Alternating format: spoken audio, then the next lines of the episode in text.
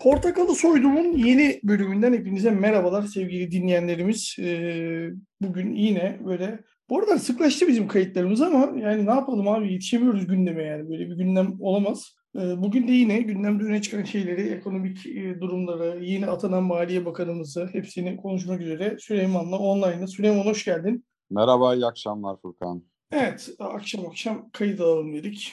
Hafta sonu ondan sonra bir daha uğraşmayalım dedik. Ee, yani şeyden sıcak olandan başlayayım. Kemal Kılıçdaroğlu bugün istatistik kurumuna gitti. Ee, ama alınmadı, kapıdan çevrildi. Gitmeden önce de haber verdi Twitter'dan. Yani birkaç seferdir sanırım e, randevu istemiş. Bana randevu vermediniz 11'de geliyorum haberiniz olsun diye tweet attı bir de. E, hakikaten de 11'de gitti ama almadılar içeri. E, öncelikle e, olay çok komik bir kere her şeyden önce. Ben kendi fikrimi söyleyeyim sonra sana da pas atayım. Yani e, daha da komik olan Sayın İçişleri Bakanı'nın mekan basmaya gitti demesi. Ne, yapıyor abi? Ulus'ta pavyona mı gitti adam? İstatistik kurumuna gidiyor. Yani mekan ne? Yani orası devletin, kamunun bir kurumu ve kendi sitesinde bilgi almak için gelebilirsiniz diyen bir şeyden, kurumdan bahsediyoruz yani. Hani bırak Kemal Kılıçdaroğlu'nu herhangi bir vatandaş gitse bile bilgi vermekle yükümlü olan bir kurum orası yani.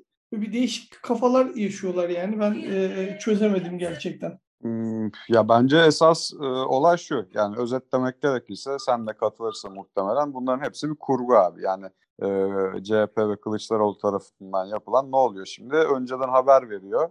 E, sıkıntı burada, ay, sıkıntı değil de esas güzellik de şu. E, bu tweet atılıyor. Herkes Allah diyor işte Kılıçdaroğlu gidecek. Kılıçdaroğlu halbuki oraya gitmeden evvel bile oradan alınmayacağını biliyor. Tabii ki canım bilmez olur mu? Yani biliyor tabii ki ama bilmesine rağmen gidiyor. E kapıda zaten basın mensupları oluyor ve mükemmel bir gündem oluşuyor. Gündem ne? Kılıçdaroğlu TÜİK'e gitti. TÜİK kimin? Kamunun. Kamu nasıl olur da muhalefet parti, partisi liderini içeri almaz? Çevik Kuvvet falan gidiyor. O İçişleri Bakanı'na bak işte muhalefet partisini sokmuyorlar diye. Bir kere e, burada inanılmaz güzel bir gündem oluyor CHP adına. Şimdi ben bir şey söylemek istiyorum burada. Siyasetin hani bizi dinleyen gençlere ya da işte ne bileyim çok siyasetle işte dışta olmayan ama gündemi takip edenler için. Ya siyaset abi bir hamle sanatı aslında. Bizim ülkede bu böyle çok olmuyor. Çünkü niye? Fosiller e, yıllardır yürüttüğü hani bizde biraz daha böyle farklı işlediği için siyaset esasında işte hamle oyunudur. CHP mesela bu basma olayını Süleyman Soylu dediği gibi 5 yıl evvel yapsa halk ne derdi abi? O işte eziklere bak kapıdan bile alınmadı derlerdi değil mi? Tabii tabii tabii. Ama bugün ne oluyor abi? Ulan bu ne biçim iktidar sen nasıl almazsın gibi bir argüman alıyor. Neden? İşler kötü gidiyor çünkü. Böyle şeylerde otomatikman muhalefet partisine artı yazıyor.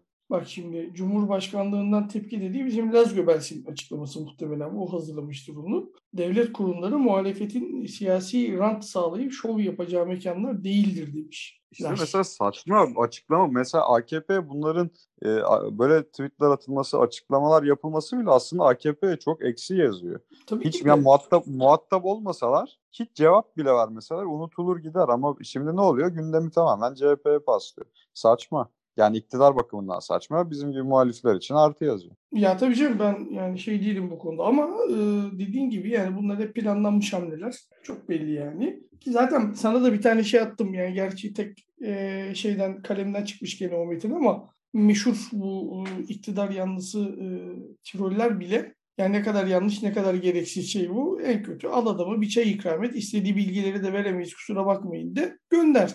Kapıdan almamak ya, ne yani şeklindeler ki ya mantıklısı benim da bu zaten. Ya benim o konudaki bakış açım şöyle abi. Ben bu hani trollerin biliyorsun talimat üzerinde çalışıyorlar. E, tabii yani mesela biri diyor ki şöyle diyor yapın diyor. Hepsi aynı, aynı ağızdan aynı şeyleri yap, yazıyor. E, demek yani bunları şu anda kim yönlendiriyorsa ben Fahrettin Altun olduğunu da düşünmüyorum. Yani o olsaydı böyle bir tweet atacaklarını sanmıyorum çünkü. Yok yok. Ee, Oraya geleceğiz ama, şimdi. Yani sende şey varsa hani artık kim o şekilde e, tweet atmalarını söylediyse muhtemelen o da hükümet içerisindeki çekişmenin bize bir ucunu gösteriyor diye düşünüyorum. Aynen öyle. Ben de tam oraya bağlayacaktım. Oradan Maliye Bakanı'na bağlayayım hatta. Ee, zaten biz podcastlerimizde bir aydır, bir buçuk aydır söylüyorduk Lütfü Elvan'ın istifa edeceğini, istifa etmek istediğini, ama kabul edilmediğini vesaire en sonunda beklenen oldu ve yerine yardımcısı Nurettin Nureddin bu arada Nurettin değil Arap ismi gibi olan Nurettin soyadı da Nebati E, o, e, o arkadaşı atamışlar. Ee, daha önce Türkiye Cumhuriyeti tarihinde örneği var mı bilmiyorum. Ekonomi eğitimi olmayan Hazine Bakanı kendisi. Ee, herhalde öyle uygun gördüler. Ekonomi eğitimi olmasa da olur zaten. Yani Cumhurbaşkanımız ekonomist olduğu için bakan olmasa da olur diye düşündüler herhalde. Benim tahmin aklıma başka bir şey gelmiyor.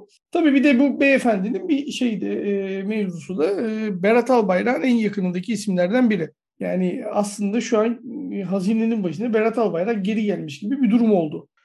Yani sadece Gülen'le de fotoğrafları var. Ha, bu arada o zaten bambaşka bir şey. Yani e, ben şeyi yani bunun iktidar tarafına sorsak mutlaka kendilerince bir açıklama yapacaklar. İşte 17 Aralık'tan önce şöyleydi sonra böyle bilmem ne de. Abi bu önemli değil. 17-25 Aralık'tan önce veya sonra benim öyle bir fotoğrafım olsa bana devlette bir iş verir misiniz? Hayır. Benim yakınımdaki birinin devlette bir işi olur mu veya devlet memuru olsa onu kovar mısınız? Kesinlikle kovarsınız. E, hatta beni hapse bile atarsınız öyle bir fotoğrafım olsa. Hiç öyle 17'ymiş 25 Aralık mı şuna falan bakmadan yani. Ama işte isminiz Nurettin Nebati olunca bakan da olabiliyorsunuz yani. Burası da böyle bir ülke yani. Ben bunu hiçbir şekilde anlayamıyorum, kabul de edemiyorum yani. Ee, niye yani Fethullah Gülen 17-25 Aralık'tan sonra mı terör örgütü oldu abi? Bu adam çok çok öncesinde hmm. Türkiye Cumhuriyeti yargısı tarafından e, terörist ve bölücü faaliyetlerden dolayı e, şey edilmiş bir insandı yani. Hakkında bir sürü ya dava bunu senle hep konuşuyoruz. Hep konuşuyoruz seninle. Ben hep aynı örneği veriyorum. İşte Pak Demirli'ye bakıyorsun. Abisi FETÖ'den tuttu kendisi bakan. Ya örnek örnekleri çok böyle şeyden hükümette. E, dişli büyük var rezillik. abi. Darbe'nin iki numaralı adamı dediğin adamın kardeşi Büyükelçi galiba şu anda. Şey değil mi? Tam canım. Yok. Dişi, yok dişli dişli. Ha, dişlerin pardon dişlerin pardon pardon. Dişliden bahsediyorum. Yani evet. Bu, bu nasıl bir şey yani bu nasıl neye göre belirliyorsunuz bu şeyleri? Onu geçtim tamam hadi bunların hepsini geçtim. Ekonomi eğitimi yok abi adamın. Yani hazinenin başına ekonomiden al, eğitimi olmayan bir insanı getirmek. Yani nasıl bir kafa bu ben anlayamıyorum gerçekten.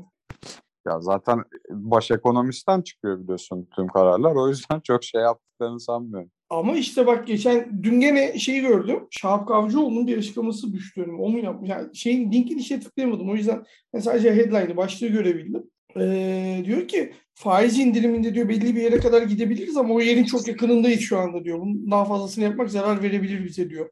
Yani Şahap Kavcıoğlu'nun kendi açıklaması bu. Hani hani daha da fazla indirmemek lazım demeye çalışıyor aslında. Buyur. Gider herhalde o da. Ee, gidici tabii canım yani o da baktı ki bunlar kararlı şey konusunda kararlılar. E, indirme konusunda kararlılar. O da şimdi yolunu yapıyor işte. Ben böyle konuşayım da beni alsınlar görevden.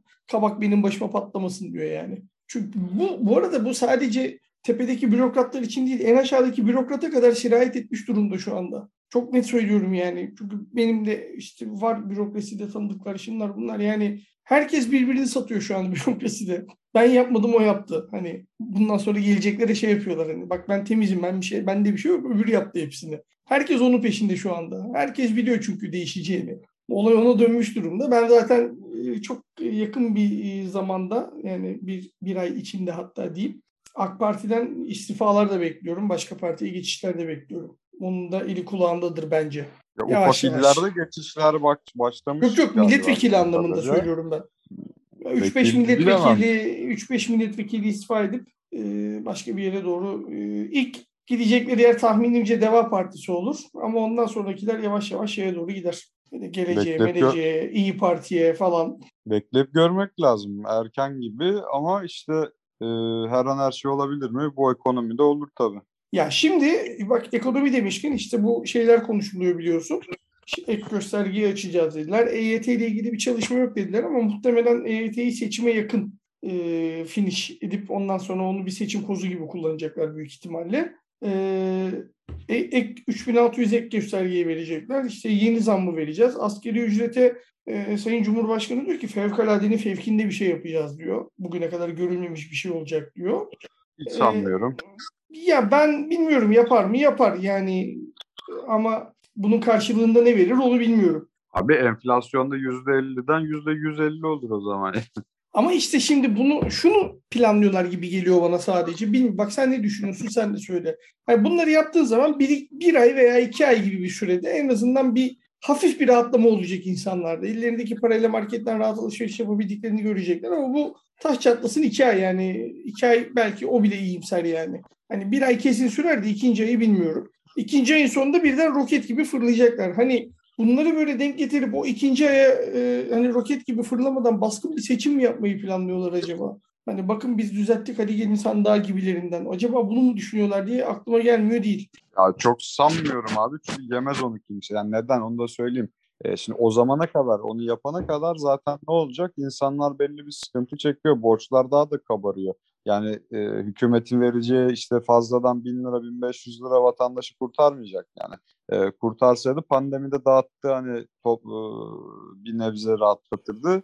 Ya ona rağmen hani hiç kimseden olumlu bir şey bulamadı. Çünkü milletin borcu çok abi. Vereceği para zaten borca gidiyor. Cebine girmiyor ki. Aynen öyle. Yani e, borcu borçla döndürüyorlar. Kredi kartını öbür kredi kartıyla döndürüyorlar. Ee, işte geçen sana söylemiştim yani banka kartı ya debit kartla alışveriş yapıyorum. Ona bile mesaj gönderiyor banka. Bu alışverişinizi tak şey yapalım mı? E, taksitlendirelim mi diye yani. Ona bile mesaj çekiyor banka. Yani e, o yüzden dediğin gibi yani çok realde insanların cebine çok yansıyacak bir şey olmaz. Ama askeri ücrette eğer işverenin üzerindeki sigorta yükünü azaltacak bir takım düzenlemeler getirirlerse zamla beraber e, o zaman e, bilmiyorum. Yani işveren tarafındaki bakış nasıl olur bilmiyorum. E, ama onu da getirebilirler mi ondan da emin değilim. Çünkü orada ciddi bir vergi kaybı demek. Çünkü vergi toplayamıyorlar. Böyle bir sıkıntıları var. Ya ben açıkçası onu getireceklerini düşünüyorum asgari ücrette. E, çünkü hani o, o maaş artışının e, başka türlü bir karşılığı yok. Yani e, olmayacak yani. yani. Asgari ücreti oraya çektiğin zaman muhakkak bir yerden feragat edeceksin. İşte belki senin dediğin seçim yatırımı da e, o vergi yükünü işverenin üstünden almak olabilir diye düşünüyorum. Ya tabii canım ben de e, şeyim yani o konuda. E, bu arada zaten hani o dedikleri fiyatlara getireceklerse asgari ücreti e, mevcut vergi sisteminde asgari ücrette kimse işi çalıştırmaz. Evet mümkün değil. Yani imkanı. şeyin önünü açıyorsun yani. Bunu bu şekilde direkt geçirirsen bunu e, kaçak çalışmanın önünü açarsın. Sigortasız işçinin önünü açarsın. Ve e, bunu da denetleyemezsin abi. Zaten denetleyemiyorsun. Denetime gönderdiğin herifin elini 3-5 kuruş sıkıştırırlar. Çünkü zaten devlet memurunun maaşı da pula döndüğü için bu ekonomik ortamda. Böyle bir saçma sapan yozlaşmış bir döneme doğru gider. O yüzden mecburlar o e, vergi avantajını e, işverenlere vermeye. Bir de nereye denetliyorlar abi? Bugün yani gerçi uzun zamandır gitmedim ama en son e, Kadıköy çarşıda çıktım ya 9-10 ay olmuştur ya da ne bileyim belki bir buçuk sene olmuştur bu pandemide bir açık kapı oldu. E herkes abi Özbek, Türkmen falan çalışanlar hiçbiri şeylik o dürümcü emmi denen şovmen bile biliyorsun hani 8 bin liraya maaşlı adam bulamıyoruz denen dingil biliyorsun. Yani o, o, o, onun onun bütün çalışanları Özbek, Türkmen abi iki tane üç tane Türk koymuş geri kalan hepsi kaçak. Ya işte yani. şey diyorum bak e, ben biliyorsun Aksaray tarafında çok hani o taraftan iş gereği de geçtiğim için orada çok güzel Arap lokantaları var. Ne felafelinden humusundan tut şeyine kadar e, Arap usulü künefesine kadar bütün şey Doğu şey Lübnan mutfağı, Filistin, Suriye mutfağı var orada ya. Ben severim oranın mutfağında. Abi bak restorandaki menü şey e, ekrana siparişi giriyor ya. Oradan şey çıkar. Kağıt çıkar bir tane böyle şey. Yani siparişinin olduğu evet, yazılı evet. olduğu. O, o bile Arapça kasadaki adam da Türkçe anlaşabilme imkanın yok zaten. Ben İngilizce anlaşıyorum. İngilizce bilenleri var orada bir iki tane. İngilizce konuşuyorum orada. Türkçe bilmiyor. Yok Türkçe yani. o, o bölgede Türkçe diye bir dil yok abi. ya ben işte seneler önce Antep'e gitmiştim deplasmanı Fenerbahçe maçı için. Ya o zaman orada Suriye mahallesi vardı. Şimdi bazen Twitter'a düşüyor da ya bildiğin hani ufak Suriye olmuş Antep. O zaman bile kötüydü. Şimdi çok daha Antep, beter olmuş. Hatay yani bunlar bildiğin Suriye oldu. Yani, yani burada Türkler azınlığa düştü bu şehirlerde. Ya çok acı verici bir şey abi. Yani e, ben mülteci sevmiyorum açıkçası. Niye sevmiyorum onu da söyleyeyim. Bazen bu Suriye'nin yeni yıl kutlamaları falan filan düşüyor. İzliyor musun bilmiyorum ya da Twitter'da görüyor musun? İzlemez olur mu? Ya, Şimdi yine Christmas'ta düşer.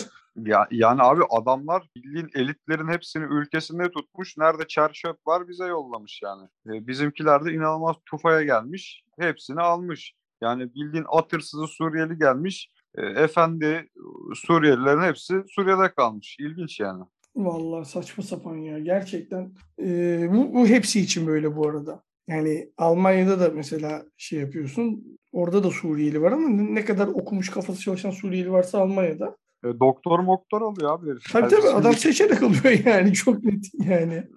Biz atırsız alıyoruz. herif doktor alıyor işte. Ee, o yüzden e, böyle bir saçma bir şeye doğru gidiyoruz yani. Ee, bu arada bir başka önemli konu Sayıştay bugün denetleme raporu açıkladı ve e, diyor ki işte e, Büyükşehir Belediyesi, İstanbul Büyükşehir Belediyesi ile ilgili çıkan rapor bu. İşte Ekrem İmamoğlu'nun bu uygulamaya koyduğu halk süt işte e, bu belirli e, yaştaki çocuklara sahip annelere verdiği ücretsiz ulaşım kartı bu gibi uygulamalar mevzuata aykırı bunları yapamaz.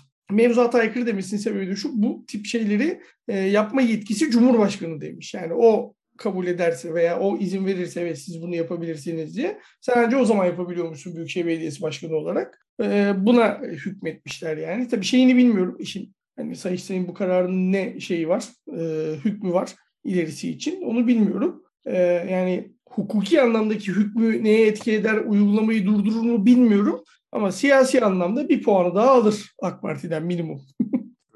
Kesinlikle. Yani hukuki olarak da benim bildiğim hani Sayıştay'ın kararlarını AK Parti hiçbir zaman zaten iplemediği için e, bu kararın da ne kadar ipleneceği tartışılır açıkçası. E, çünkü biliyorsun Sayıştay raporlarına göre birçok e, özellikle AKP belediye başkanlıkları döneminde büyük yolsuzluklar falan vardı. Alınan işte biliyorsun ihaleleri, e, işte bedavaya verilen binaları büyük adı olsun falan. E, yani çok fazla Abi usulsüzlük var. bugün bir haber düştü önüme. Öldüm bittim ya. Niğde, Niğde'de belediyede 7 tane envantere kayıtlı araç yok piyasada. Yani belediyenin Yani envanterinde nerede? araçların nerede olduğu bilinmiyor. Veli Gökçek almıştır Ankara'ya götürüp. en son Mansur Yavaş diyordu ya versin jipimizi belediye. Versene jipini al." kardeşim jipimizi. ya Yani valla abi, sıkıntılı işler abi yani e, ne olur yani bence Sayıştay'ın böyle bir şey senin dediğin gibi AK Parti için çok kötü. E, çünkü şimdi Tayyip Erdoğan çıkıp dese ki ben Ekrem İmamoğlu'nun çocuklara süt yardımı yapmasını istemiyorum. Anneler de ücretli binsin dese e, yani politik olarak ha, ama şöyle Tayyip Erdoğan da öyle bir adam ki sırf İmamoğlu yapıyor diye iptal eder mi eder abi o da bir ayrı bir adam yani. Ya, e, onu yaparsa 5 puan gider. o kadar diyeyim Abi. sana. Ya peki ben sana bir şey söyleyeyim. Yapmaz diyebiliyor musun? Yok diyemiyorum. Yani o Evet. konuda şeyim yok yani. Abi diyorum Ya ya, sana yani içeriden bir takım şeyler yani o tarafa yakın o tarafta iş yapan insanlar var tanıdıklarımız. Yani şu an herkes sonrasını hazırlıyor kendini. Herkes biliyor yani. Er ya da geç gidecek yani ne zaman belli değil ama gideceğini biliyor herkes. Şu an sonrasındaki yerini kurtarmaya çalışıyor. İşte bir takım sıkıntılı işleri olanlar e, kendini temize çıkartmaya çalışıyor şu anda ki şey olmasın. E, devir değişince dönünce onlara sıkıntı gelmesin. E, Diğerleri hani koltuğunu kaybetmemek için şimdiden işte kendilerini makbul gösteriyor. Mesela çok enteresan bir şey öğrendim. Çok hakikaten çok yani.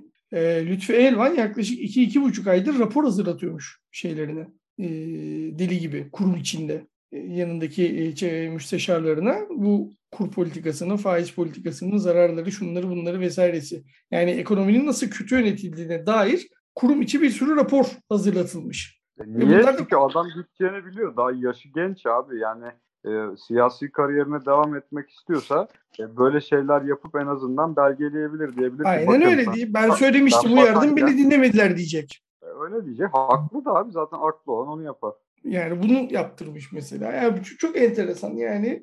e, o yüzden dediğin gibi yani ben herhalde gidişat o ki yaza biz göreceğiz abi seçimi. Bizim tahminlerimiz doğru çıkacak. Ya bak Öyle- benim dayım var. Ba- biliyorsun podcastlarda bazen söylüyorum. Amerika'da çok iyi mezun, iyi ekonomi okullarından birinden mezun. Belki dünyanın en iyi 3-4 ekonomi okulundan biri okulu. Ya nor yani şimdi AK Partili desen değil dayım. Ee, yani geçmişte hani Türkiye biliyorsun e, yağ kuyruğu, gaz kuyruğu farklı gibi bir muhabbet yapmayacağım ama yani şey e, AK Parti döneminde çok bol para gelince abi birden yatırımlar başlamıştı ya. Evet. Ya hani onlardan etkilenmiş bir kuşağın mensubu. Ee, çünkü hani Özal döneminde falan hatta Demirel Özal derken çok fazla bir şey olmadığı için ABD bizi paraya boğduğu zaman çok fazla bunlar yol yaptı, köprü yaptı olunca onlardan etkilenen bir kesim var. Bence benim dayım da bunlardan bir tanesi, ortanca dayım. Ee, o da mesela bugün odama geldi iş yerinde sohbet ettik biraz da. Hani o çok şey yapmaz böyle ona zam geldi buna zam geldi haberlerini. Ben iki senedir hep söylerim çok iplemezdi. Ya bugün geldi bizim yarım saat bana hayat pahalılığından şikayet etti. ya ve hani şey örneklerle geldi abi böyle marka ismi falan veriyor. Diyor ki ben de Eker yoğurdu diyor 8 liraya alıyordum diyor 13 lira olmuş bu nedir ya diyor. İşte ayran alacağım sek diyor. E, kendisi çok zengindir. Diyor ki şey e, ben diyor ayran alıyordum diyor sek, e, sek ayran diyor. 5,5 lira veriyordum 8 lira olmuş inat ettim de 2 tane aldım diyor 6 tane alıyordum hep diyor 2 tane aldım diyor gitmiş indirimde diye 50 tane parmesan almış mesela tamam mı? 50 liraya düşmüş parmesanlar 95 liradan. 50 tane parmesan almış abi. Hani şey e, o kadar isyanlarda ki ucuz bulduğu şeyi alıyor ama pahalı gelen hiçbir şey almamaya başlamış ki hani böyle şey hiç böyle şey yapmazdı. Bildiğin şikayet ediyor. Caddebostan Migros'a gittim normalde 7 kasa olurdu diyor. Sadece 2 kasa açmışlar kimse yok diyor. Ya bunu diyen adam hani çok e, AK Parti'den şikayet etmeyen, hani sessiz kalan, böyle faiz fiyat artışlarını genelde normal bulan, dünyada zaten enflasyonun olduğuna inanan biri. Yani şey anlatmaya çalışıyorum. İplemeyen adam bile artık ipliyor. Yani düşün ya. bu iplemeyen adam bile bu noktadaysa Heh, aynen. E, yani diğer abi. böyle zaten normal şartlarda da ayın sonunu kıt kanaat getiren getiremeyen insanlar ne yapsın? Onlar ne işte, yapsınlar yani? Onlar onlar ne yapsınlar? Ha yok anlatmaya çalıştığım şey şu. Artık her kesimden bir tepki var abi. Hani apolitikten de tepki var. E, zaten hani solcularımız her zaman tepkili biliyorsun. Bizim Türk Onlar, solumuz bayılıyor. Şey, tepki onların ee, göbek yani, adı. O aynen abi. Hani her, herkesin, toplumun A'dan Z'ye her kesiminde bir tepki var. Ben bugün e, bir flood yapmıştım Twitter'da. Şeye değindim. E, arabalar üzerinden gittim mesela. Bu kriz en çok kimi vuracak abi? E, orta direğin ortası ve biraz üst segmentini vuracak. Niye? E çünkü mesela o kesim abi yılda bir kere iki kere yurt dışına gidebilirken hiç gidemeyecek artık. Mesela orta kesim e, orta kesimin altı eskiden işte 5 yıldızlı bir tatil köyüne gidebilirken onlar artık ona gidememeye başlayacak. Ha, zengine çok bir şey değişmeyecek. İşte 740 BMW biniyorsa atıyorum 540 BMW binecek. Anlatabiliyor muyum? Ama Şimdi bir, bir kasa BMW binen orta direk e, artık mesela Honda'ya düşecek. Tabii. Ee, ya, ya da işte zarar... ben kendimden örnek vereyim. Biz hani 3-5 şey yaptık araba alır mıyız dedik. Yok. Yani şu, şu noktadan sonra bizim öyle bir araba alabilmemiz için piyangodan bize para çıkması lazım yani. Şu an o noktadayız. Ya abi, yani şeyin altına girip al- arkadaş... almam da bu arada yani bankadan kredi çekip alabilir miyim? Evet ama saç salak değilim yani bu ortamda ya öyle bir şey saçma, şey yapmam yani. Çok saçma. Bizim yine arkadaş vardı. Fiko var bizim tanırsın belki e, Pink Floyd 1907. O işte bundan birkaç ay evvel şey almıştı. Kia Picanto bildiğim 1.0 mütevazi bir şehir içi arabası aldı. E, işte ne bileyim yani yalanım olmasın abi galiba 180 bin lira falan mıydı ne araba. Ee, şimdi mesela 220 bin lira 230 bin lira falan oldu araba. Yani 5-6 ay içerisinde. Yani hani e, bu bahsettiğimiz araba bildiğin hani Avrupa'da ne bileyim e, 10 bin euro civarı bir parayı alınabilen bir araba yani. Ya tabii canım. Yani 1-0 araba yani zaten. Avrupa'da zaten 1-0 araba yok bildiğim kadarıyla da. Tabii canım yok. Avrupa'da öyle bir şey yok. Yani adamların öyle bir derdi yok. Bizde işte şeyden dolayı hani benzin azıcık. Vergiler, ÖTV, vergiler. MTV'ler. Ya zaten abi o çok bomba bir şey. Yani şimdi arabayı sonuçta ithal ediyorsun. Türkiye'de üretilmiyor araba. Ee, çok büyük kısmı ithal ediyor. Türkiye'de üretilen dediğin arabanın da parçaları ithal geliyor zaten. Yani montajı burada yapıyorsun belki. Abi şimdi euro dolar kuru her oynadığında otomatikman maliyet fiyatını artıyor. Bir de öyle bir sistem getirmişler ki maliyet fiyatı artınca ÖTV dilimi değişiyor. Bu sefer ÖTV'si katlanıyor arabanın. Böyle saçma sapan bir şey vergileme sistemi var bu ülkede. Ya bu sefer yani aslında normalde hani ÖTV'yi kaldırıyorum. Hani standart bir KDV'yi hadi belki bir de lüks tüketime soktuğun için makul bir lüks tüketimle 200 bin lira 220 bin lira olacak bir arabayı alıyorsun abi 400 bin liraya 450 bin liraya böyle bir salaklık olamaz ya. Ya bu yani garabeti icat eden arkadaş kimse gerçekten tebrik ediyorum kendisini. E, muhteşem yani e, sistem. Kasa şey yani vardır ya kumarhanede kasa kazanır. Kasa hep kazanıyor abi. ya abi şimdi bak zaten Türkiye'nin bizi şu anda dünyanın ve Avrupa'nın geri kalanından ayıran problemi ne biliyor musun? Ee, Avrupalı ve Amerikalı özellikle bu pandemi döneminde abi kendini çok şey aldı, korumaya aldı. İç piyasasını koruyor millet. Bizim gibi hıyarlık yapmıyorlar. Şimdi mesela bugün Ukrayna abi ne yaptı biliyor musun? Hurda satışlarına biliyorsun Türkiye dünyanın en büyük hurda ithalatçısı demirde. Ve şimdi Ukrayna bugün abi e, vergisini mesela tonda 100 euroya çıkardı. Atıyorum bu işte seneler evvel 20 euroydu. Adam pandeminin başında 50 euro yaptı. Şimdi mesela 100 euroya çıkardı. Keza Ruslar aynısını yaptı. Yani adam diyor ki sen diyor e, hurdanı diyor vermeyecek adam. Yani sat ihraç, ihraç etme diyor. İç piyasada kullanmıyor. Bizim hurdamız bize kalsın diyor. Rus da diyor bunu, Ukraynalı da diyor. Ama Türkler ne yapıyor abi? İşte devalüasyon yüzünden aman abi diyor işte bize diyor yeter ki yabancı yatırımcı gelsin biz ucuz iş, iş gücü yapalım insanımız ka- kazanmasın sürünsün her şeyi ihraç edelim. E abicim ithalat yapıyorsun ama ithalat kısmı ne olacak? Abi zaten ben o mevzuya hasta oldum. Bugün Cumhurbaşkanı da demiş ihracat ihracat bizim tek hedefimiz var ihracat. Ya tamam ihracat yapalım güzel de abi sen kendin üretmiyorsun ki sıkıntı burada. Yani ürettiğin her şey için bir de ithalat kalemi yazılıyor bu ülkede bütçeye yani. Hani bizim ülkeden topraktan bir şey çıksa onu alıp işlesek ve onu ihraç etsek okey o zaman daha da arttıralım. Daha çok ihracat yapalım. Daha çok para gelsin ülkeye ama sen gidiyorsun 3 liraya ham madde alıyorsun. işliyorsun 4 liraya dışarıya ihraç ediyorsun. Sonra diyorsun ki ben 4 liralık ihracat yaptım. Hayır böyle bir şey yok. 1 liralık ihracat Aynen. yaptın. Onun da zaten 70 kuruşu 80 kuruşu buradaki şeylere gidiyor aslında. Hani 3 liralık malzemeyi alıyorsun, burada işliyorsun. Onun da bir maliyeti var sonuçta. O maliyetleri falan koyduğunda senin aslında yaptığın toplam ihracat rakamı 50 kuruş falan yani baktığında. Ama yok biz şu kadar ihracat yaptık. Yani e, herhalde bundan dolayı almadılar ben şey öyle düşünüyorum şeyi. E, Kemal Bey'i bir takım şeyler ortaya çıkar diye. Bugün ben şeyi izledim. Ya, abi ben baktım bugün biraz. Mesela TÜİK'e göre kaşar peynirinin fiyatı düşmüş. Nereden almışlar ya bize de söylesinler. Bize gidip orada alalım. A, A, ben sana A101'den Paris'i geçmiş kaşar almış herhalde istatistiği. Yani gelsin abi bizim burada ben TÜİK Bey'le beraber 50 tane market gezim. Bir tanesinde eğer kaşar fiyatı son 3 aya göre düşmüşse ben TÜİK Bey'i öpeceğim gözlerinden. Onu geçen bir tane e, şeyde e, internette izlediğim bir yayında izleyicilerden biri yorum yazmış TÜİK için. Türkiye İstatistik Kurumu ya açılımı bunu. Adam şey diye değiştirmiş. Tayyip'i üzmeyen istatistik kurumu.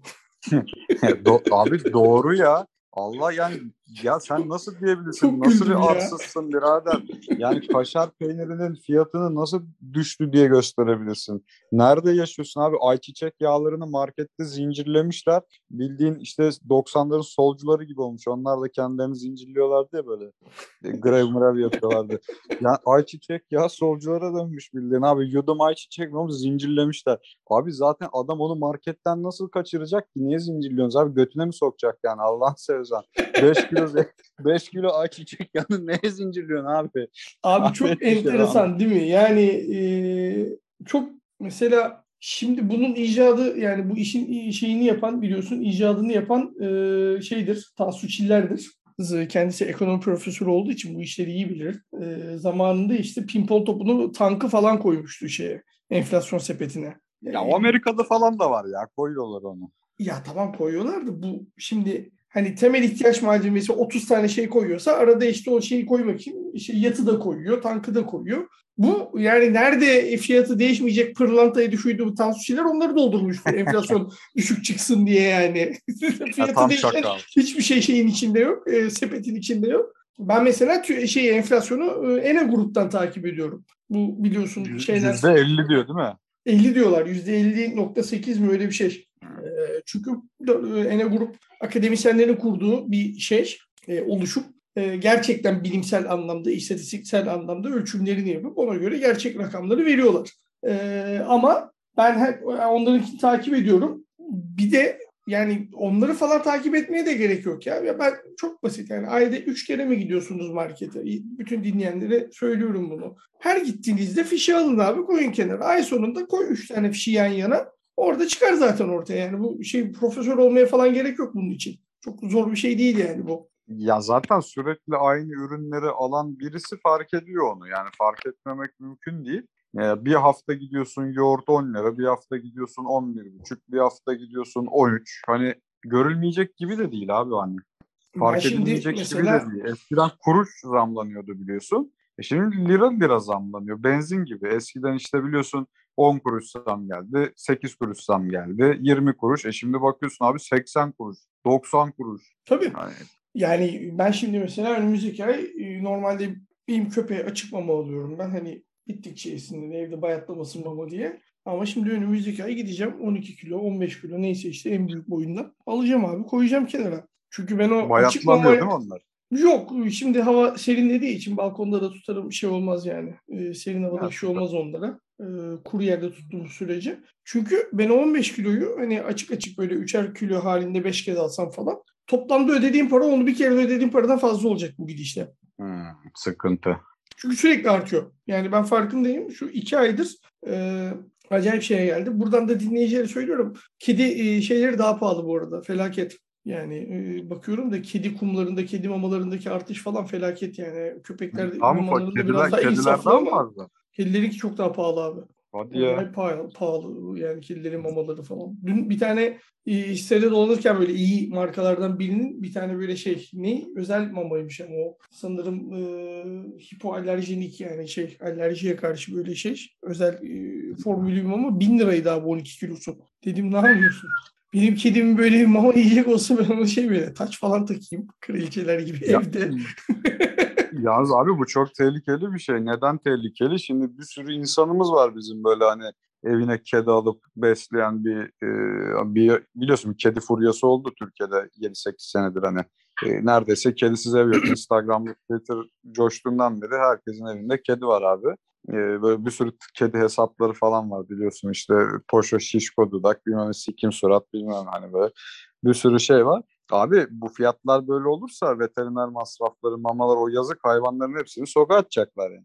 Ya sanmıyorum atacaklarını ama mamanın kalitesini düşürürler büyük ihtimalle. Yok kanka sen bana sor ya. Vallahi billahi bence bence İnşallah atmazlar bak. abi ne diyeyim abi, yani. Abi, abi sen yanlış bakıyorsun olaya. Niye bak söyleyeyim sana da şimdi bahsettiğimiz rakam nereden baksan ayda 550-650 lirası arası bir e, fazlalık olacak benim gördüğüm kadarıyla. Çünkü bizim bir Can abi var Twitter'da. Onun da böyle evde 3 köpeği bir kedisi falan var e, takip ediyorum o sürekli mama fiyatlarını görüyor. Adamın 365 liraya aldığı şeyler 550-600 lira olmuş. Tabii öyle oldu. E, yani, ya şimdi hani bunu normal şimdi çok fazla üniversite öğrencisi var, genç var hani e, işte ne bileyim 3500-4000 lira maaşla çalışıp evinde kedi besleyen. Yani şey yapamayacak ki abi hani bakamayacak ki hayvana. Yani bir de öyle bir durum var doğru diyorsun. Bu da işte bak görüyorsun yani bak aslında çok basit ekonominin temel e, şeyleriyle oynayıp ekonomiyi bozduğun zaman zincir halinde nerelere kadar gidiyor iş görüyorsun bak. Acayip ya. Gerçekten. E, bir an önce e,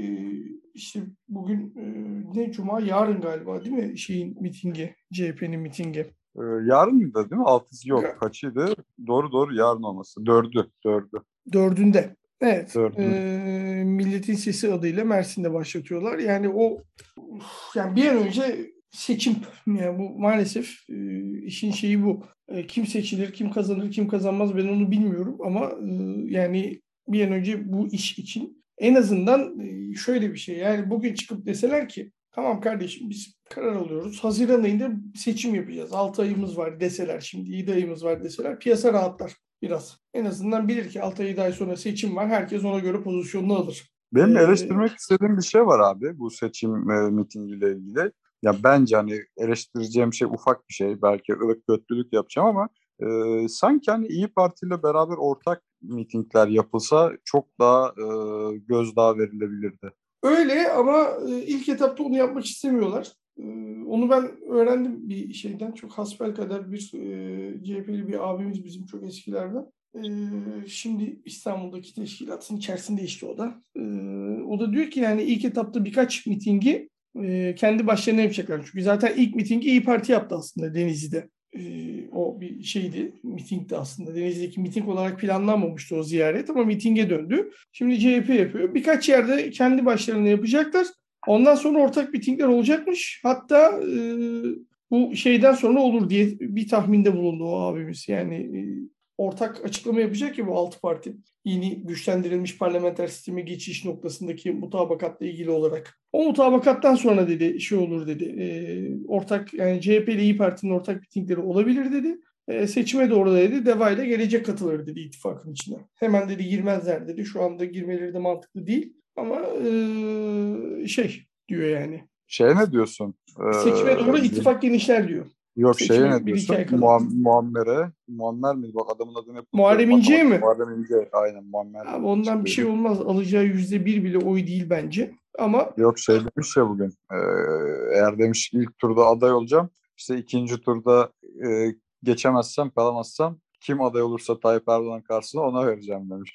Ben de her iddiaya giriyorum. Kemal Kılıçdaroğlu'yla ikinci turda Tayyip Erdoğan kalsın. Muammer, e, Muharrem İnce gider Tayyip'e verir abi. Onunki öyle bir nefret var.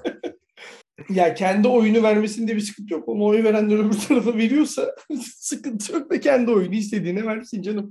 Ama ben... Bu 73 kişiye soralım abi. 73 tane memleket partide soralım kim oy verecek. Ha, evet o kadar oldular mı ya? Şey, bir zamanların Başakşehir tribünü gibi.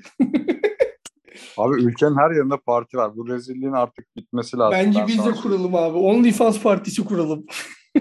only, only, only Hans aynen. Only ya Hans. abi şaka bir yana ben, ben sana bir şey söyleyeyim mi? Bu parlamenter sistemi inanılmaz derecede kuvvetli kılıp Amerikan sistemini benimsemesi lazım bu ülkenin. Ama kendini adapte etmesi lazım. Ben şu andan bahsetmiyorum da böyle belki bir 50 sene sonra. Çünkü gerçekten çok partili sistemler yani bitti artık ya. Böyle hani hiçbir anlamı yok. Deva Partisi, Saadet Partisi, Milliyetçi AK Partisi, İyi Parti, CHP, AK Parti, İşçi Partisi, Türkiye Komünist Partisi, Liberal Parti, Yeni Refah Partisi. Bu ne abi? Abi yani Almanya'da işte Avusturya'da bir sürü parti var. 10 tane parti bir araya geliyor. Ee, anca işte bir tane hükümet kurabiliyorlar. Kimse şey alamıyor. Şimdi İsrail'de aslında İsrail'in durumu Türkiye'ninkine daha yakın benzer bir durum. Ee, çünkü orada da işte uzun süren bir Netanyahu e, dönemi vardı. Ee, ve bütün muhalefet ya bak Filistinli bile o muhalefet bloğunun içine girdi. Netanyahu'ya karşı adamı öyle devirdiler yani yani Filistinli şeylerin, Arapların oradaki İsrail'deki resmi partisi bile o Yahudilerle birlikte olan şeyin içine, ittifakın içine girdi. O derece birleştiler yani.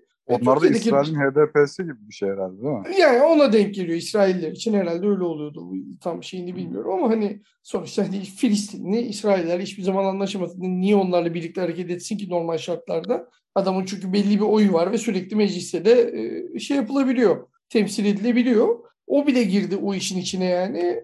Türkiye'deki durum da ona benzer bir durum olacak bence.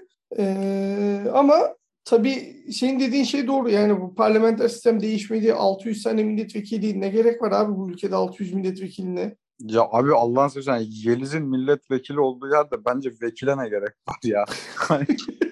ya, ya Allah ya insanlara bakıyorsun gerçekten bak bunu bok atmak için söylemiyorum. Yani egoist bir adam da değilim. Ama sen de ben bak mecliste 600 tane vekil varsa yani bunu çok net olarak söylüyorum 450 tanesinden daha fazla donanım sahibizdir. Politik olarak konuşuyorum. Ya işte bir şey diyemiyorsun. Yani orada işte Türkiye'de biliyorsun vekil seçimi kriteri daha farklı. Arkasında kaç oy getirebilecekse ona göre vekil. İşte adam aşiretin bilmem nesi Güneydoğu'da diyorlar ki bunu aday yapalım. Aşiretin tamamını bize oy verir.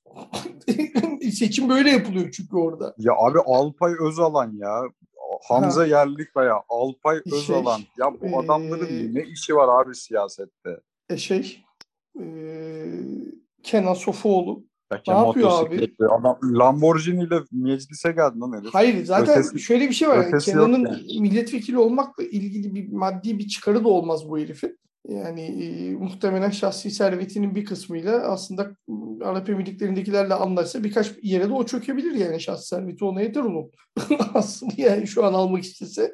E, ama çok enteresan işte o adam milletvekili. Hamza Yerlikaya. Şimdi gerçi bu arada bak şeyi eleştirdik e, Maliye Bakanı ekonomi eğitimi almadı diye ama Hamza Yerlikaya da Vakıf Bankı Yönetim Kurulu'nda yani. Ya ya abi ben hani bunları konuştukça deli oluyorum. Artık ülke boğulmuş. Yani adaletsizlikten, liyakatsizlikten işte gelen adam mesela tweetlerini okuyor sürekli abi sen Merkez Bankası başkanısın. Yani neden sürekli Allah diyorsun? Niye sürekli Kur'an'dan alıntı yapıyorsun? Abi bak Cübbeli okudun mu Cübbeli'yi bugün? Cübbeli okudum ya. Cübbeli net şey muhalif bayrağını açmış. Cübbeli de şeydir bu arada rüzgarın nereden eseceğini iyi tahmin edebilecek öngörüsü olan adamlardan biridir. O farkında o yüzden pozisyon alıyor şu anda.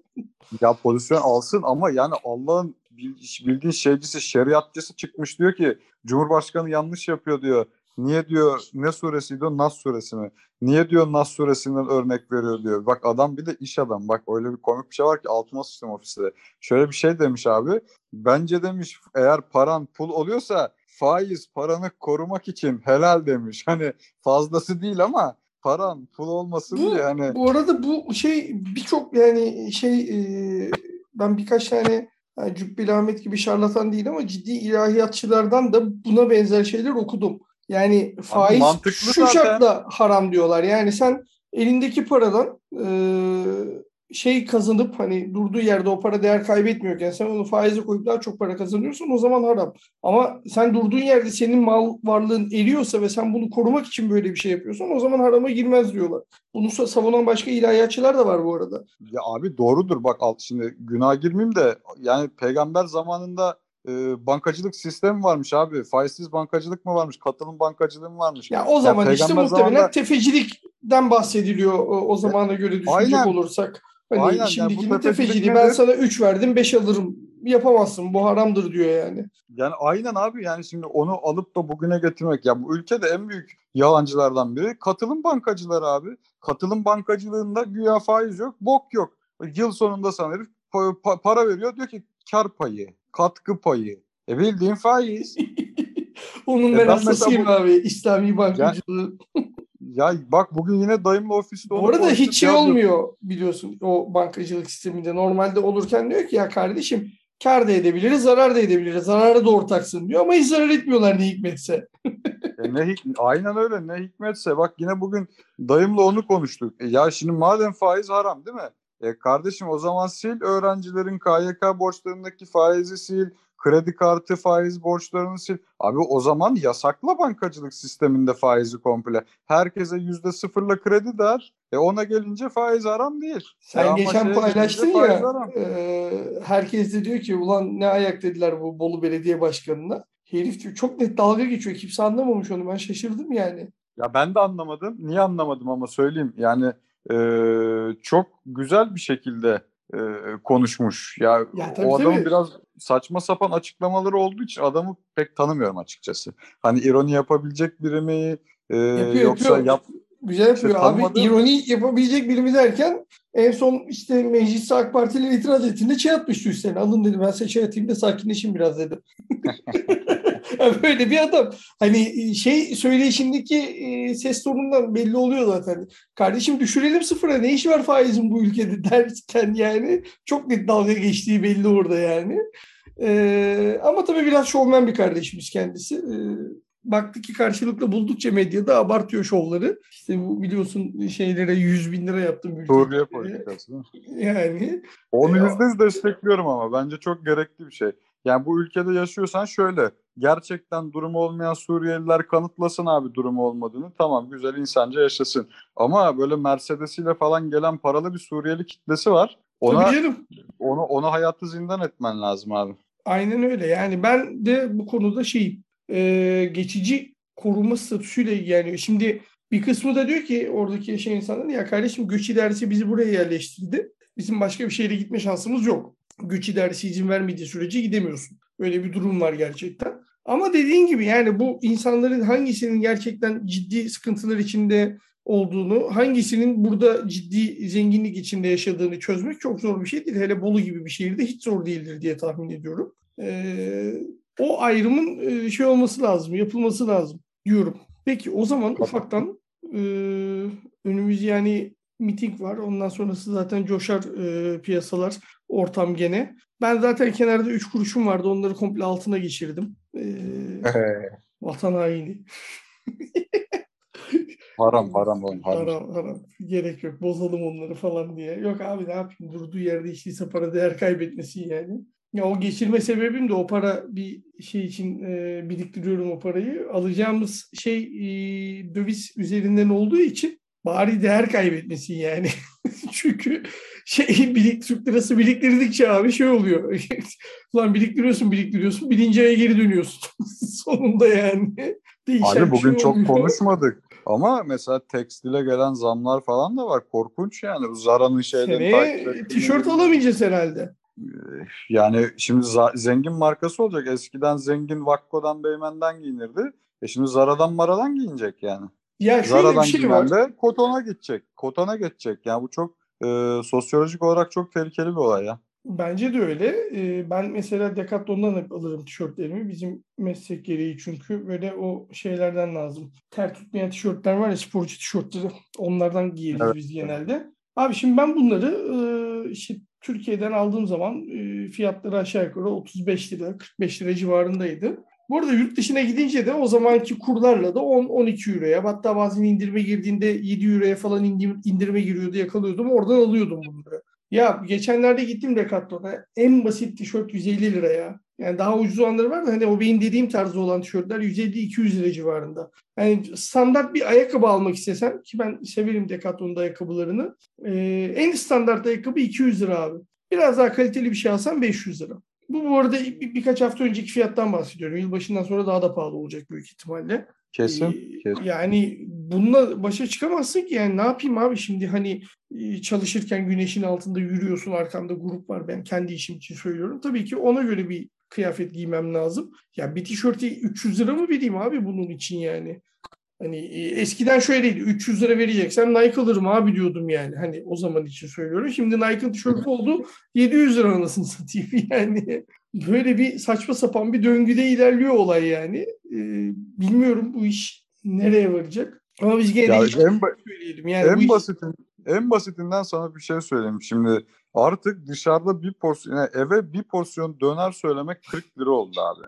Aynen ya 40 öyle. lira eskiden 50 liraya biz iki kişi doyuyorduk. Ve hani böyle iki porsiyon döner yanına da ne bileyim bir ara öğün yani böyle atıştırmalık bir şey söylüyorduk. Şimdi bir porsiyon döner 40 TL. Abi cidden dışarıdan yemek yesim veya sipariş veresim gelmiyor artık. Artık şeyim. Zaten e, şimdi işte e, tekrar evin içinde biraz daha vakit geçirmeye başlayınca hanıma söyledim dedim alırız dedim ben alırım marketten alacak şey evde yemek yaparım dedim başa çıkılacak gibi değil. Ha canımız istediğinde tamam yiyelim işte canımız döner çekti söyleyelim de şimdi dediğin gibi adam akıllı bir şey döner 40 lira. Daha ucuzu var ama o yediğin şey döner mi o tartışılır. Yani içinde ne olur artık ne, nasıl bir ettir o. o bölümler tartışma konusu olur yani. Ee, çünkü o işin ederi o. Eti fiyatı belli, maliyetler belli. Abi yani bir dürüm dönere de 40 lira vermemeli insan ya. Bu, bu kadar Abi böyle bir hayat yaşamıyoruz eşim, hiçbirimiz. Eşim dinliyor bizi çekerken podcast'te. iPad ile geldi şey açmış Nike'ın web sitesini. Ee, Nike Air Zoom Pegasus'lar 1250 lira, Nike Buyur. Air Zoom Alpha Fly 2600 lira. Ya bu ülkede 2600 ay önce 550-600 lira civarındaydı galiba bu ayakkabılar. Yani öyle. aynen öyle abi. 650-700 liralık ayakkabılar 1000 küsür lira olmuş. 1000 küsürlükler 2000 lira olmuş. Yani bu işin sonu acayip bir yere gidiyor abi. Yakında hepimiz artık böyle Kinetics falan gezeceğiz yani. Onlara da zam gelmeden eve birkaç ya, tane. Onları çünkü maksimum 3-4 ay giyebildiği için ondan sonra pert oluyorlar. 3-4 tane alıp kenara böyle stoklayıp. ben sana ne olacağını söyleyeyim. İnanılmaz kaçakçılık başlıyor. Ha şey gibi diyorsun. İşte ne? E, şey, canım, es- içi, içi siyah camlı arabada şey geliyor böyle mahalleye geliyor adam çaktırmadan. Ta- tabii canım. İşte Armaniler My Money. Ondan sonra. Öyle tabii Nike'lar Mike. Hani ne bileyim öyle şeyler olacak Geçen yani. bir tane şey gördüm. Bizim köpeğe şey bakıyorduk da onu da bulamadık bu arada. O da enteresan bir şey. Mont yani bu kışın hani hayvan üşümesin, yağmurda ıslanmasın diye. Şimdi bizimki biraz iricene bir arkadaş olduğu için e, o şeyde internet sitelerinde hep orta boy yani küçük boy köpekler için var. Bizimki 20 kiloluk bir dana olduğu için e, çok şey yapamıyoruz. E, büyük bulamadık birkaç yere sorduk. Dedi ki adam abi gelmiyor dedi artık dedi. Getirmiyoruz dedi. Zaten çok satılmıyor dedi. Satılsa da ben dedi onu dedi getiremem dedi. İki tane şeyin vergisi bir dünya para çıkıyor dedi. Ne uğraşacağım onunla dedi. Çin'den getirtiyorlarmış. Adam direkt söyledi sen gir AliExpress'ten kendin söyle getir abi bir tane dedi. diye adam tabii, direkt tabii. olarak.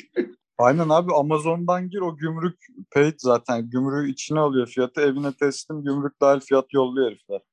Herhalde öyle alacağım ben de. Ama o bile bu arada 600 liraya falan geliyor. Baktım. yani hayvana şey tamam üşümesin falan da yani 600 lira alan bir mont oha dedim yani. Ama yapacak bir şey yok tabii. Hayvan e, bizim gibi değil abi. O bir şey oldu mu, hasta oldu mu taksimetre bin liradan açıyor yani. Oh oh oh. Tabii Yine bizim çok mu farklı abi? Bir doktor en yani zaten biliyorsun devlet dairesinden e, devlet hastanesinden randevu almaya kalksan adamı diyorsun ki işte ölüyorum ultrason çekmem lazım diyor ki 6 ay sonra geldi. Niye abi şey e, sağlıklı atılım yapmamış mıydık biz ya? Devrim. Devrim, devrim yapmıştık. Devrim, sağlık, devrim yapmıştık.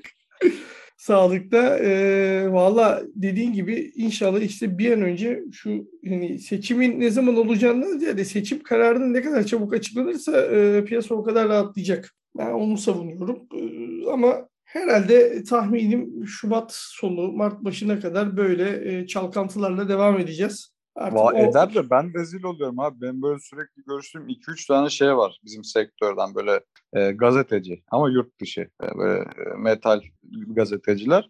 Yani böyle 2-3 günde bir konuşuruz işte derler piyasa nasıl falan. O ben onlardan bilgi alırım, onlar bana bilgi verir. Ya bu hafta yani yazıyorlar ve sürekli şöyle yazıyorlar. Hani e, Türkiye'de şu anda hiçbir aktivite olmadığı doğru mu? Bütün işte sektör kur şoku mu yaşıyor? Siz bu hafta hiç mal sattınız mı? İşte fiyatlar ne alemde? Hani şu anda abi bunlar hani böyle her şey bilir, zehir gibiler. Abi koca hafta bizim sektörde piyasada yaprak kıpırdanmadı. Bu kur dalgalanmasıyla nasıl kıpırdasın zaten? İmkansız. İmkansız yani bu kur dalgalanmasıyla. Biz şimdi işte bak bugün daha konuştuk. İşte bu sömestrde bir tur yapmayı planlıyoruz onunla ilgili.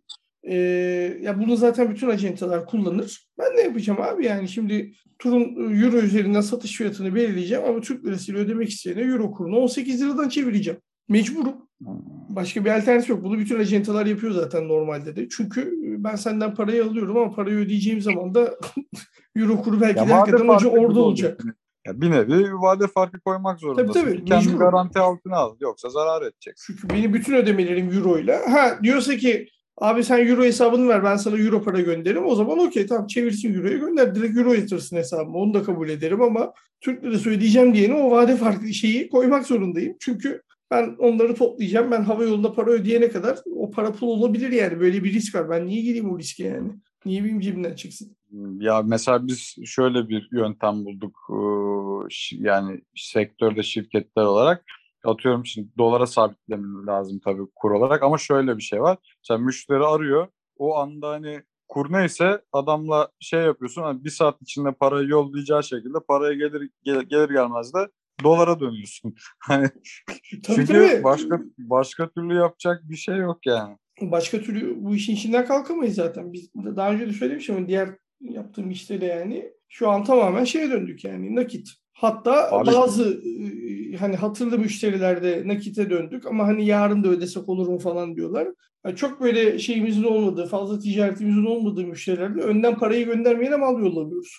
Ya artık o noktadayız çünkü yani. Şimdi adama ne yapayım abi bu başka türlü dönmüyor bu işte ticaret ama bu da bir yere kadar gidecek. Bir yerden sonra bu da olmayacak. Yani ticaretin çarkları komple durmaya başlayacak bu kafayla. Yani Ama reis ne diyor? Birkaç ay sonra meyvesini alacağız. Çin de böyle büyüdü diyor. Ulan Çin'in nasıl büyüdüğünü bilmesek hani yedirecek de. işte ye, onu kitlesi yiyebiliyor olabilir. Onlar çünkü Çin'in nasıl büyüdüğünü bilmiyorlar. Ama biz e, yani bilen insanlar zaten e, piyasa dinamikleri de olsun, bilen insanlar da olsun böyle bir şeyin olmayacağını biliyor. Bir de senin örnek gerçekten çok enteresan. Çin'le e, kıyaslamak. Ya abi teknik olarak hani ya tamam kağıt üzerinde komünist. Normalde artık yavaş yavaş serbest piyasa ekonomisine dönmüş bir ülke. Ama şöyle bir şey var. Çin e, bu kadar büyümeden evvel bildiğin komünist şekilde yönetiliyordu ekonomisi. Büyüdükten sonra serbest piyasaya geçti. Tabii adamlar baktılar ki para geliyor, güzel burada şey var, serbeste geçtiler daha çok gelsin diye. Sonra yani, bir dünya dolar rezervi yaptılar, doları kontrol etmeye başladılar bir dönem.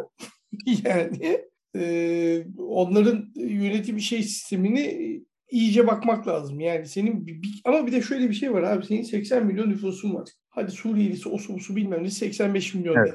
Abi Çin'in 1 milyardan fazla nüfusu var. Sen bir hiçbir zaman öyle bir, bir, milyar nüfusu var. Hiçbir zaman öyle bir iş gücü üretemezsin burada yani.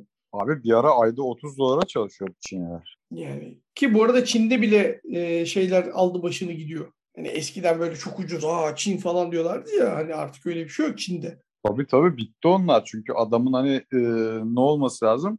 satışı özel sektörü desteklemesi lazım. Yani satması lazım özel sektörün. E satması gerektiği için de ne oldu abi? E şey verdiler millete para verdiler ki harcasın. Harcamazsa kim alacak o kadar? Aynen öyle. Sonra işte ne oluyor? Ee, işte millete pasaport verdiler. Avrupa'ya gitmelerine izin verdiler. Türkiye'ye gelmelerine izin verdiler. Sonra gidiyorsun Paris'te. Louis Vuitton'un önünde, Chanel'in önünde böyle Çinliler kuyruk. Tanesi 5000 liradan 3 çanta 5000 eurodan. Rolex'in önünde kuyrukları işte o 50 bin euroluk saatleri alınıyor falan. Yakında ee, Türkiye'ye gelecekler abi. Abi Türkiye'de bir markamız yok ki bizim şimdi. Louis Vuitton Fransız markası yerine gidiyorlar. Yok mesela Louis Vuitton'u almaya Türkiye'ye gelecek. Ha o olabilir. Ama gelirler mi? E, olabilir ya gelebilirler. Yani kur farkından dolayı avantajlı olacaksa. Bak biri çok güzel tweet atmış bugün. O kadar hoşuma gitti ki şey yazmış. Ulan orta direkt demiş. O Moldovyalı, Ukraynalı dadı, dadılarınız yakında kaçacak gidecek. Yozgatlı teyzelere kalacaksınız demiş. Acayip güzel tespit biliyor musun?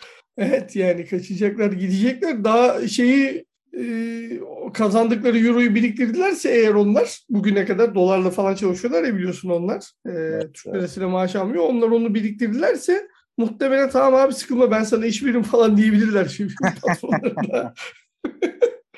Öyle bir ihtimal de olabilir yani. Bakalım. Peki o zaman bu haftaki kaydımızı da ufak ufak sonlandıralım. Hafta sonu gene hareketli bir günden bizi bekliyor. Bakalım e, miting ne olacak? CHP istediği etkiyi yaratabilecek mi, alabilecek mi bakalım mitingde? E, onu göreceğiz hep birlikte. Artık önümüzdeki hafta ortasına doğru da onun e, değerlendirmesini yaparız. Kurları vererek kapatayım. 13.72'den kapatıyoruz. Bakalım bir sonraki programda kaçtan açacağız? Şu an 13.72'de dolar. O zaman herkese iyi hafta sonları diliyoruz. Ee, haftaya podcastimizde görüşmek üzere tekrardan. Herkese hoşçakalın.